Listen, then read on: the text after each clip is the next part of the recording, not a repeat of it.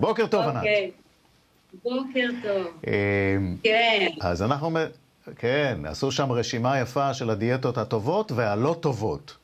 ובאמת, כן. התחום הזה משגע, משגע ומבלבל, וכל אחד יודע, וכל אחד יש לו רעיון, והוא שמע וזה. אז בואי נתחיל קודם כל בדיאטות הלא טובות. מה הדיאטות הלא טובות?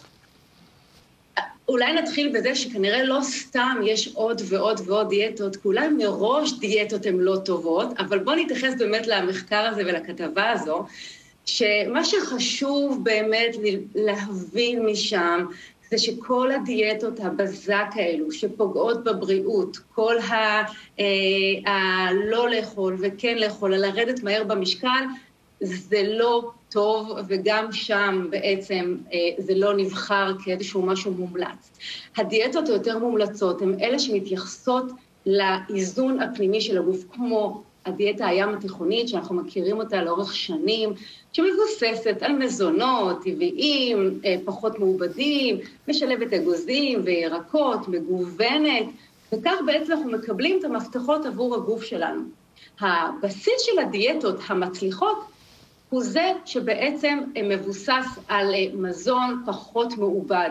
אה, פחות מעובד, הוא פחות מאבד מרכיבים חיוניים, על ידי זה בעצם חילוף החומרים עולה, גם הבריאות הפנימית נשמרת וגם ירידה במשקל, אבל הירידה במשקל צריך אותה שוב ושוב, כי מראש החינוך של הדיאטות אינו נכון, שפועלים מתוך מקום של אסור והגבלות והימנעות, נוצר פלונטר עם הרגשות שלנו. כי מצד אחד מחנכים אותנו שאותם מאכלים משמינים, הם גם מספקים לנו רגשות חיוביים שאנחנו צריכים אותם. וכשאנחנו עושים דיאטה, נוצר מצב שאט אט אנחנו לא סומכים על עצמנו. נוצר חסר במקום של האמון שלנו. אז יש את הדיאטות המוצלחות והטובות. מה שנשאר זה בעצם להבין, לא להתייחס לזה כדיאטה, אלא מה זה אורח חיים. להבין איך זה משפיע עלינו פנימה בגוף, ולסנכרן נכון עם הרגשות שלנו. כשאנחנו פועלים בצורה נכונה לטובתנו עם הרגשות שלנו, ולא אוכלים אוכל ומחזירים לעצמנו כעסים ואשמה, לא נוצר רעב רגשי, לא נוצרת אכילה קלוקלת, יש לנו הבנה פנימה, ואתה יודע, יעקב, כל מה שאנחנו מצליחים בחיים זה מה שאנחנו מאמינים בו, ומה שאנחנו מבינים. כשאנחנו לא מבינים ולא מאמינים, נוצר הפלונטר הזה, ואיינשטיין לדעתי אמר משפט יפה, שאי שפיות זה לחזור על אותן פעולות ול, ולצפות לתוצאות אחרות. והפחד, ההתנהלות הקלוקלת של הדיאטות, מביאים את האנשים לראות כמובן מאליו שחייבים דיאטה. לא, לא חייבים דיאטה. אז uh, אני חושבת שהמסר המאוד חשוב זה איך אנחנו מגבשים לנו את האורח חיים המאוזן, והנושא של הדיאטות וההימנעות, אין צורך בו כשאנחנו מבינים פנימה את המזון שלנו. זה גם בהתאם לספר שלי שבדיוק יצא, לא משמינים מאוכל, כן.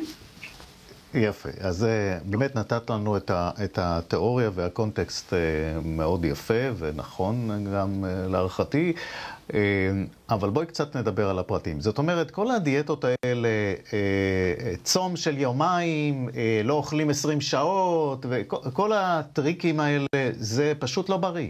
זה פשוט לא, לא פשוט עושה נזק. אם היה אפשר להוציא, ממש, אם היה אפשר להוציא מחוץ לחוק, העולם היה בריא יותר בגופו ובנפשו. הדיאטות האלה, אנשים פונים אליהם מתוך ייאוש, מתוך חיפוש אחרי קסמים. הם יוצרים חסרים תזונתיים בגוף.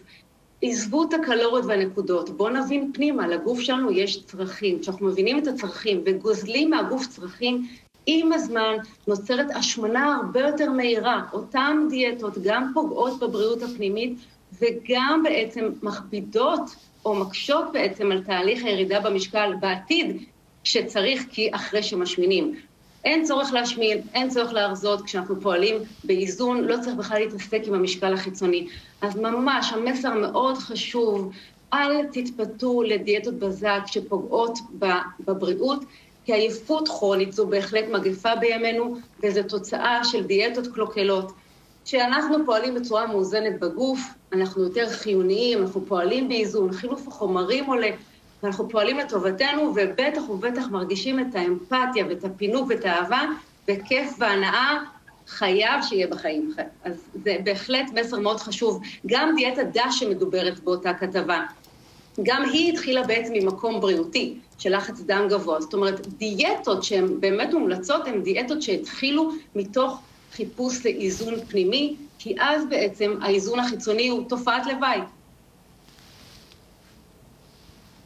כן, אנחנו רואים מבחר של מאכלים שאוסרים עלינו, ואחר כך גם אומרים לנו שהם מפנקים, כן. אוקיי, ענת ענבר, תודה רבה לך בתיאבון ודיאטה ים תיכונית. מזלנו, אנחנו בים התיכון, אז הכל בסדר, יש ירקות, יש חומוס טחינה, אפילו זה בריא. תודה ובוקר טוב. שפע, מאוד. תודה. כן.